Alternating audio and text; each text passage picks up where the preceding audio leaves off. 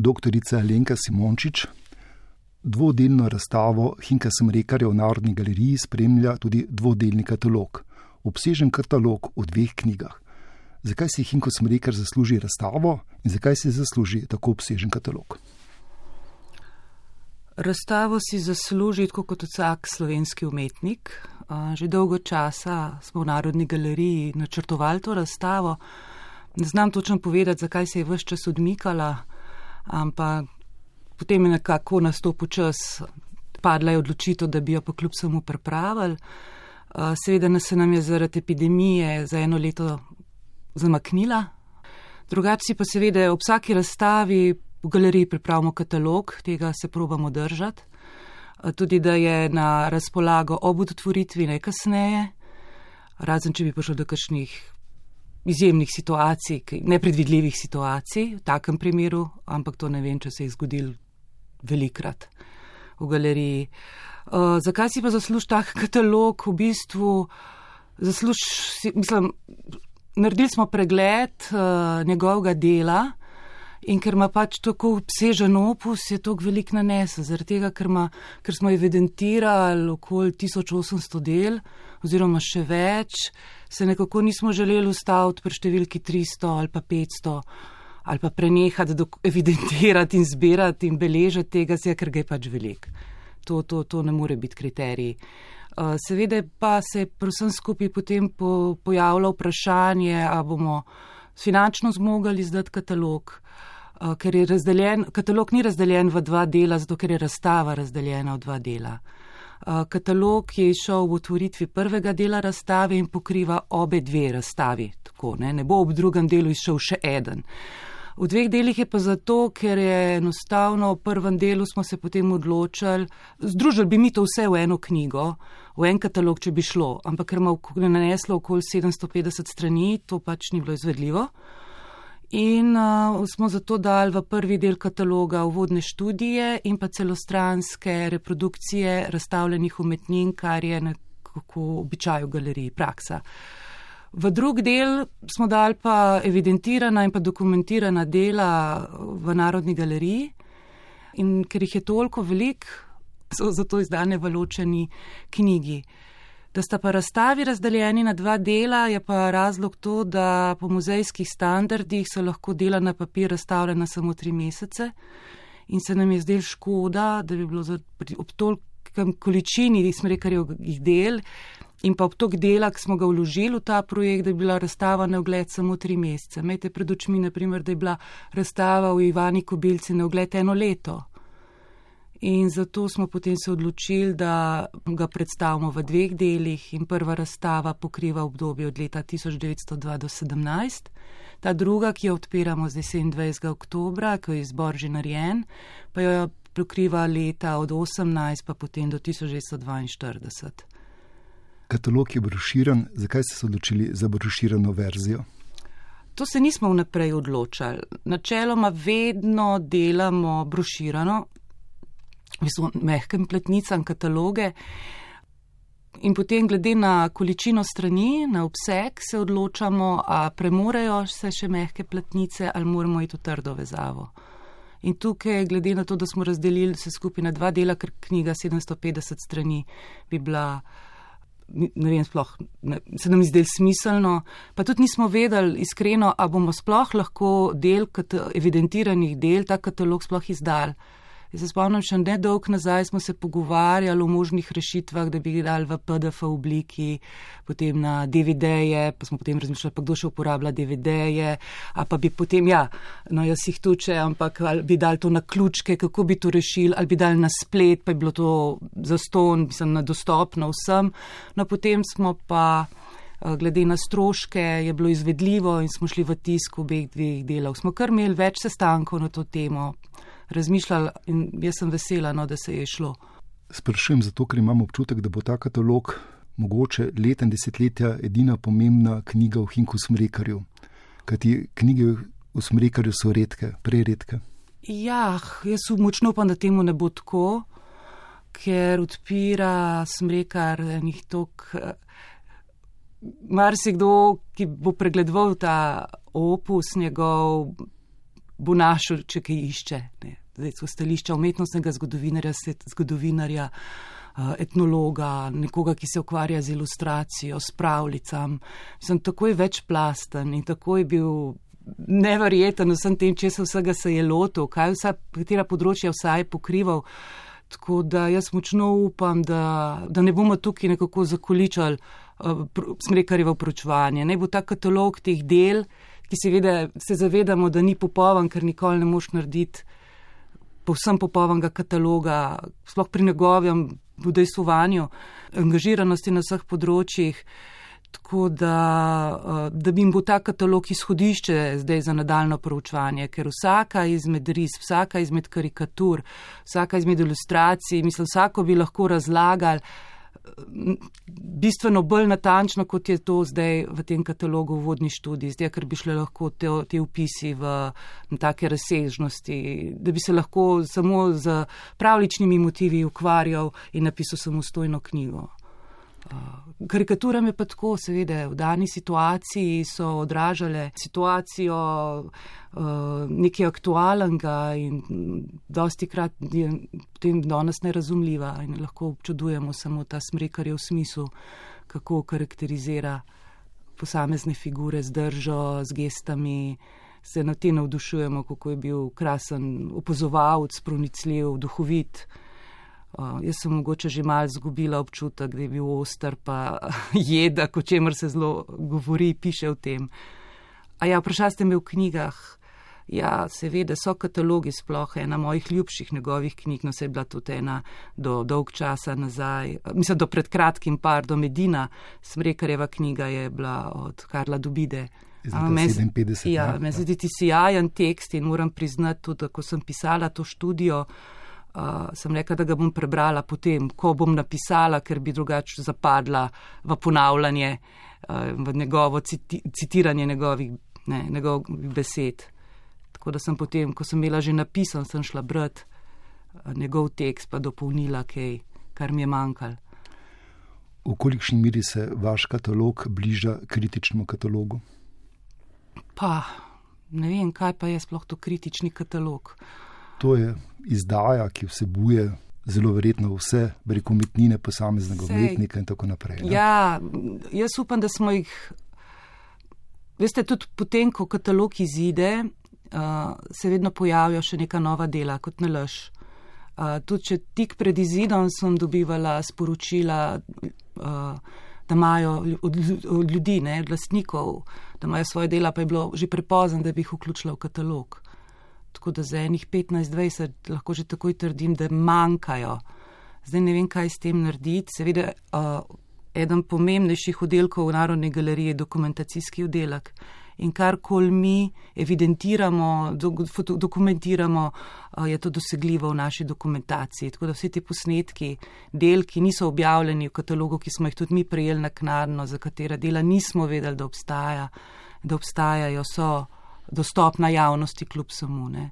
Tako da, čim katalog izdaš, lahko že rečeš, že je zastarel in že lahko rečeš, da uh, mu vzameš to karakteristiko, lastnost popolnega kataloga.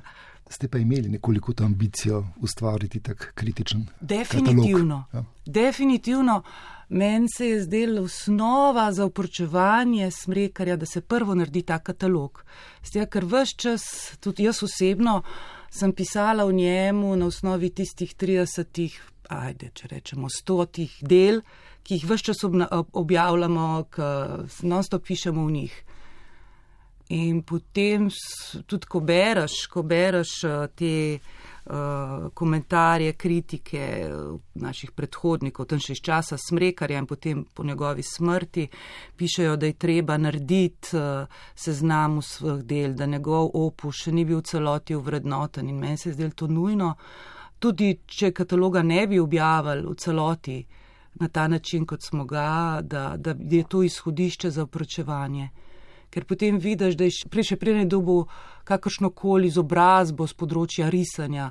Praktično tudi ne vemo, koliko časa je obiskoval tiste risarske tečaje, uh, predhodniki pišejo tudi, da je da je obiskoval neke zasebne slikarske šole. Meni uspel najdeti podatka, kje točno in katere, pri komu, razen tečaje risanja za, v muzeju za umetnost in obrt, ki pa tudi predvidevam, da se je tja upisal šele v drugi polovici leta 1904 in Maksim Gasparija potem piše, da tam ni bil dolgo časa, praktično je samo uk in ko smrekar. In potem iz tega kataloga je razvidno, da je on že pred letom štiri risov, naprimer za satiričen list Jež, da, ma, da obstajajo že dela pred letom štiri, ko ne bi dobil neko izobrazbo, čeprav zanemrljivo napram kakšni akademiji in da je bil čisti samuk. Uporabili ste oznako samuk uh mhm. -huh. in že zelo zgodaj je zelo dobro portretiral bližnje in tako naprej. Ste mogoče, da je pomislili ob smrekarju, da je neke vrste genij? Čeprav ja. ni patetično. Ni patetično sam, ne moreš mimo tega. Ne moreš mimo tega, predvsem genij, kar se tiče tehnike risanja, pa tudi dojemanje okolice, kaj njega vse zanima, česa vsega se je lotil. Kako, kako, je, kako, kako je bil poln nekih idej, ene zagnanosti, ene iskrene želje, da bi risal, kar piše kolego Frano Veselu, uh, prav, kaj bi vse rad in našteva poleg teh znanih dveh maškarad slovenskih književnikov in pa uh, likovnih umetnikov, piše, da bi rad narisal še glasbenike, pa zgodovinarje, ne vem, gledališčnike, igralce, pardon. Uh, polno nekih idej, kaj bo sicer. To potem je tudi razvidno iz tega kataloga vseh del, da tam do leta 14 je on naredil več kot 50 portretov oziroma bolj ali manj ljubeznivih, ali bolj, bolj ali manj karikiranih portretov sodobnikov. Uh, naprimer, potem iz tega, iz tega uh, seznama je razvidno, da tam v letih 1920 do 1925 ne naredi nič. Razen enega avtoportreta, iz leta 21 pa nekaj ilustriranih dopisnic naredi nič, ker se je zdravo po teh bolnišnicah in ne mož verjeti, da se potem leta 25 odloži pa, da bo se zidal kup parcelov v Šiški in se se zida svoj atelje. Načrti so bili fenomenalni, čudovita hiša, kot da ne pike nogavičke, vila čara čara, še tako barni, tlorisi obstajajo, narodni in univerzitetni knjižnici jih imajo in potem dejansko, koliko je imel zapletov s to gradnjo, pa s financiranjem. On je dve let kasneje šele dobil potem denar dejansko, ki mu je bil obljubljen uh, za financiranje te hiše in potem to zreducira res na neko atelje z vežo in potem mi doda vila kurnik in da to je mogel biti, ne vem, danes bi sodila med čudesa sveta, po moje, ki je bila od zunaj poslikana s freskam. Kakšna je bila usoda te vile Kurnik? Enač, on je lepo živel noter potem po letu 27, leta 27 se vseli, takrat dva meseca prej mu umre tudi mama. Uh, in tudi prav, da ne more več živeti v istem stanovanju, ki je bil z njo, in potem urata mu uspe, pardon, uh, da se vseli uh, mislim, da tam februarja 27 je on že useljen v Vilinač, on potem noter ustvarja, živi, tudi prenavlja, dograjuje, pred hišo ima glasno desko, kjer objavlja razno razne risbe, um, potem ob, tudi obstajajo zapisi, uh, imel je bazen, bazen je imel pred hišo, tudi hodil je okolo nekih takih uh, gandijevskih hlačkah, kopalkah so mu tudi nadel, nadel vzdel Gandhi. To je verjetno zato, ker se je istočasno, ali pa mislim, predtem zdravu na bledu v pri Rikliju in on je uspodbojil ta način zdravljenja, da se telo veliki spostavlja soncu in so hodili v teh značilnih hlačkah in zaradi tega tudi on dobi no, uvadbo in tako zelo visoko globo, zdaj, ker se je tak sprehajal po Šiški. Uh, ši, sem tudi Šiška zveni kot center sveta, polno nekih gostilen, kamor je on zahajal. Najmanj tri ali štiri sem evidentirala, da so bile tam okol. Potem je bil tam, je imel o, o, so, o, o Sokolski odsek, o, so imeli neko gledališče, on je za tisto gledališče, ljudkovno gledališče, o, je delal o, kostume pa ljudke. Potem je bil tam nek aerodrom, ker je on poletel z uh, modrim pelikanom iz uh, aerodroma v Šiški na nov aerodrom v Moste in vse so to spremljali časopisi vedno. On je bil strašen priljubljen pri ljudeh. Naprimer, tudi na Ljubljanskem velesejmu so potem časopisi pisali, velesejmu s pohištvom so časopisi pisali, da vsako stanovanje mora iti smrekarjevo delo, naj se pomaga umetniku. In javnost mu je bila izredno naklonjena in če kdo je bil res hinko smrekar ljudski človek. Eh, in tudi umetnik, on je dejansko mislil na sadzga uh, izmed nas, no, uh, ni smatral umetnosti kot luksus, to, to je preziral tudi javno. In uh, se ukvarja s tem, da bi, bi ljudi zabaval po eni strani, skozi to zabavo, uh, skozi te svoje humorne risbe, je pa vse čas potrjeval tudi, da je zelo resen um, in da so ne, ne bodo ljudem v premislek, čeprav vzbujajo smeh. Um, tudi doskrat se je uh, branil pred tem in bil užaljen, če si mu rekel humorist. Je rekel, kakšen humorist, karikaturist. Je rekel, ja, sej rišem karikature, sem nisem izključno karikaturist, sem izredno resen človek, kroniz dobe in večina tistih njegovih ris potem po letu 27, ko vidno postaja že bolj zagrenjen, uh, opozarjajo, uh, ne bi upozarjale javnost na uh, razne stvari, razne dogodke, družbeno-politične, uh, predvsem pa veliko upozarja na kam drvita družba um, in na neke trajne človeške napake. Mislim, značajske lastnosti, ki se potem sprevržajo v tudi kakšne pregrehe. Um, neka čudna ravnanja, ki niso v skladu z razumom. Tako.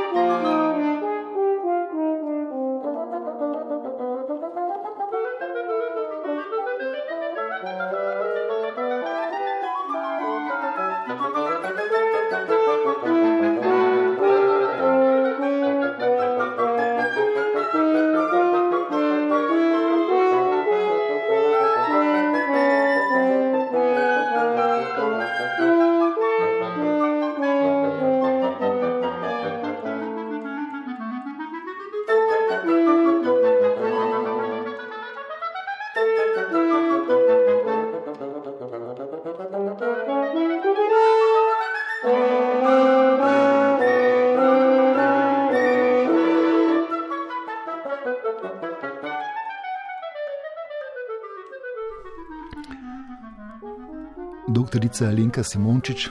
Pogovarjava se o Smrekarju, o razstavi v Narodni galeriji in seveda o katalogu, ki ste ga vi uredili. Mogoče besedo dve o katalogu. Kaj vse vsebuje zlasti prva knjiga? Prva knjiga vsebuje poleg predgovora direktoričnega, ja. vsebuje študijo uvodno o Smrekarjevem delu in življenju. To je združeno.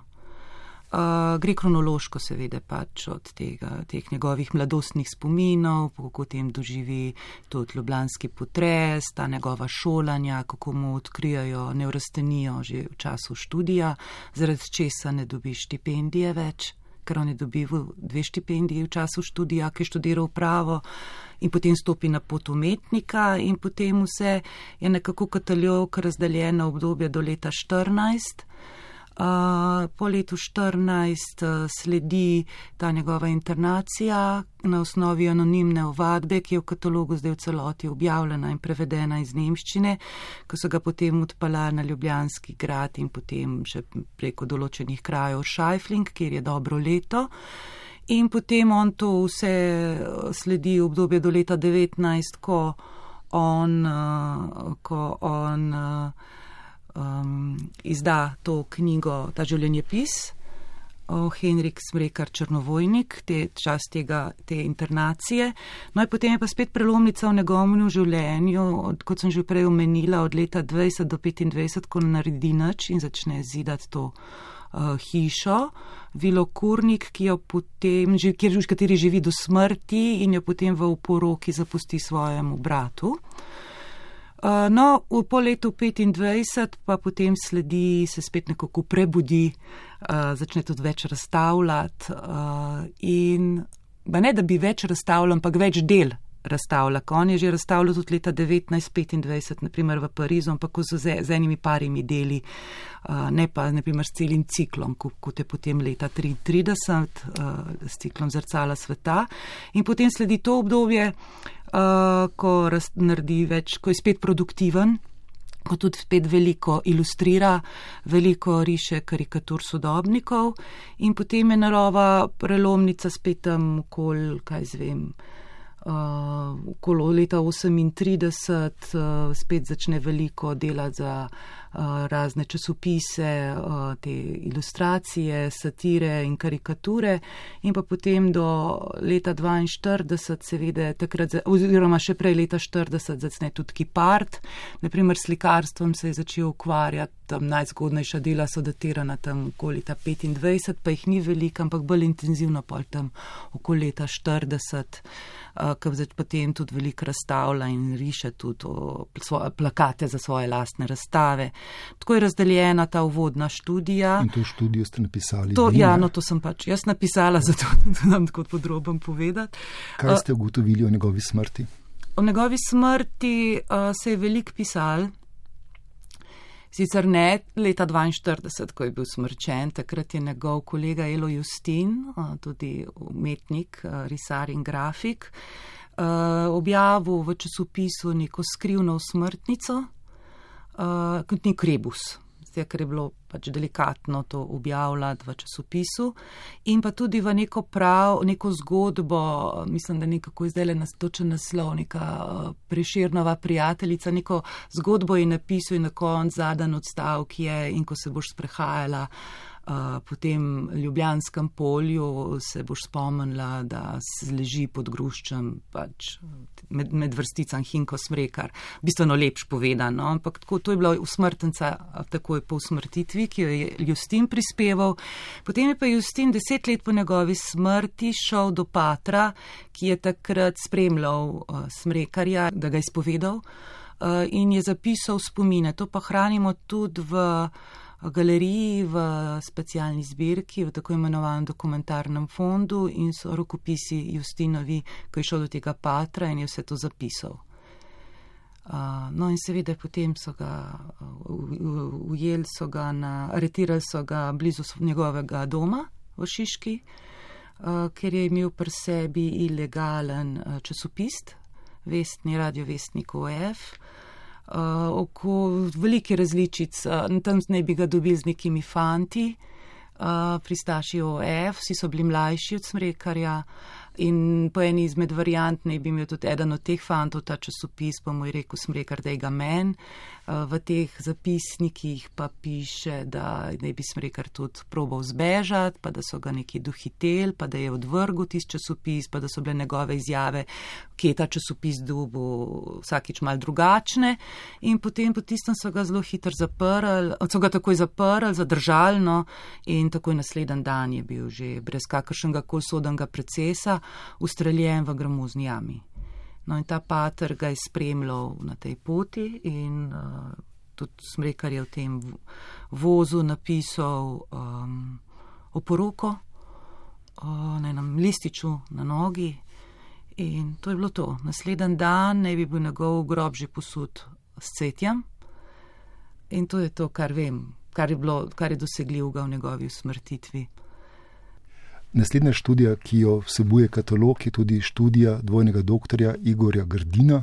Mhm. Ja, seveda, to je bilo nedvomno potrebno in tukaj smo si poiskali pomoč, ker, eh, kot sem že omenila, je bil kronist svoje dobe, tudi sam zase je to rekel in s tako natančnostjo in tako detaljno vse dokumentiral, da je zgodovinski uris nujno potreben in ga je sjajno napisal gospod Gardina in tudi povzel vse te dogodke in on je še bistveno več odkril v teh njegovih risbah kot zgodovinar. Zato pravim, da uh, je, so to stvari, ki, pokri, ki mogoče na določeni točki še bolj pokrivajo zgodovino kot pa umetnost umetnostno zgodovino. Dodal je ta neke vrste zgodovinski kontekst. Ne? Tako, zelo tako, natančen, zelo, tako ja, postavil ga je v prostor, v, v ne, povezal z določenimi osebnostmi, poleg cankarja, tudi v širšem evropskem merilu. Da, ja. Doktorica Lenka Simončič, sem rekarjem ste se ukvarjali dneve in verjetno tudi leta. Kaj vam je bilo veselje pri tem projektu? Hm. Prebiranje njegovih tekstov, to se ne smeješ eh, na glas, ker on je blazno fajn, argumentira vse. Uh, njegove odzive na kritike, to, to kakorkoli že, utemeljene ali neutemeljene, upravičene, neupravičene, ampak on je na to reagiral. Uh, v katalogu sicer ne omenjam, ampak enkrat se je vtaknil z eno tako obširno kritiko, ali so umetniški fotografi, sploh fotografi, in mu je takrat je pa dobil enega fotografa, se zdaj ne spomnim imena, ki mu je bil kos, ki mu je odgovoril. Uh, in se je potem smrekar za čuda nazaj potegnil, kar se nikoli, mislim, jaz nisem zasledila, da bi se. To je bilo fajn, uh, fino je bilo zbirati ta njegova dela, čeprav na koncu te je spravil že v obup, ker ni, ni bilo konca. Uh, uh, gospod Istok Najdič, ki mi je pomagal, ki je tudi zaveden kot soavtor tega kataložnega dela. On mi je vse čas prihajal z nekimi novimi ilustracijami, s knjigami, ki jih zdaj njih še slišala nisem. Um, in potem, a pa tole poznaš, rekel, kaj imaš spet. Jaz sem se ga včasih kar ustrašila, kaj je pošel. Veste, če imaš ti lepo seznam številčen od ena, rečemo pa tam do 1500, še nisi končal, ampak ti pride z nekim delom, ki ga moš utakniti ja, na številko 200 in tam ko se ti vse zamakne. Ves čas sem dobivala vprašanje, pa koliko imaš tega, pa koliko je številk, za nekaj ne vem, ne vštevilčuje več. To je bilo skozi, skozi neki uh, v časopisih, ki, ki jih prej nisem poznala. Mislim, to, je, to je pravo odkritje. Potem, koga vse je portretiral, to so ljudje, to so osebnosti, ki so že posem zginile iz naše zavesti. In tudi tukaj sem si poiskala pomoč, naprimer pri gospodu Marku Uršiču, filozofu, ki je naprimer portretiral Mirka Hribarja ali pa Francita Webra. Uh, iz tistih karikatur nisem razumela, ne, sem si poiskala pomoč in teh, teh vprašanj je ostalo odprtih, še polno, tako da ta katalog, mislim, to naj bo zdaj samo izhodišče za nadaljno proučevanje. Ja, zdaj mogoče ne bi bilo smiselno še enkrat izdati katalog teh del, pa ga dopolniti stotimi, mogoče ne ta trenutek, ampak mogoče res pol čez 50 let, ampak naj se študije v smrekarju širijo, ne, se tudi v Picasso ne obstaja samo ena knjiga. Z vseh zornih kotov, vsak ga bo pregledoval, vsak mu bo povedal nekaj mogoče v frizbi, ki sem jo jaz popolnoma spregledala, šla mimo nje, bo en ne vem kaj odkril. To je tako. V galeriji, naprimer, je slaba stvar, so urejeni dopoji v tem smislu, zdaj kot neko umetniko, no, ki jo pospravaš, lahko desetletja ne pogledaš več. Če imaš pa tam eno nastavljeno tako, kot te mal mod, pa kaj neki dost ne veš, ti pa lahko čez tri leta neki spregovori. To je prav zanimivo nekaj sprevidaš, nekaj vidiš v njej. In tako je tudi pri smrekarju. Mislim, to je toliko enih detaljev, to je toliko enih. Mislim, pri vsaki risbi se ti nekaj zakomplicira lahko. V redu si rečeš krasen, Ivan Cankar. Fino, predhodniki so že napisali, sploh ni problema risbe razložiti, sem polte, polte pa zmedajo signature. Ne? Pa te pa zmegajo smrekarjeve signature, naprimer tri tele grške črke, pi delta epsilon, to še zdaj nismo zihar, kaj, kaj pomeni. Verjetno vse je drek, ampak če je to res, ne vem, ne. Ampak je mi da zaenkrat ena najbolj logičnih razlag. Mislim, koliko je on v teh svojih risbah skril nekih detajlov, pa nekih značilnosti zasebnega ali pa profesionalnega življenja upodobljencev, koliko nekih izjav mogoče, kakšnih politikov, da je to skril potem v tisto risbo noter, mislim, to je karikatura, ki je takrat pripovedna, pove vse, don, ogromno ali pa bistveno več kot danes, ko so kakšni stvari pozabljene. In zdaj, če nekdo študira določeno obdobje, se ukvarja z nekim segmentom, mu bo lahko trenutko ratal kristalno jasno, kaj sprekar hotel povedati. Ne. Doktorica Alenka Simončič, hvala za katalog v Hinku Smrekarju, ja. njegovem opusu in hvala za pogovor. Ja, hvala vam.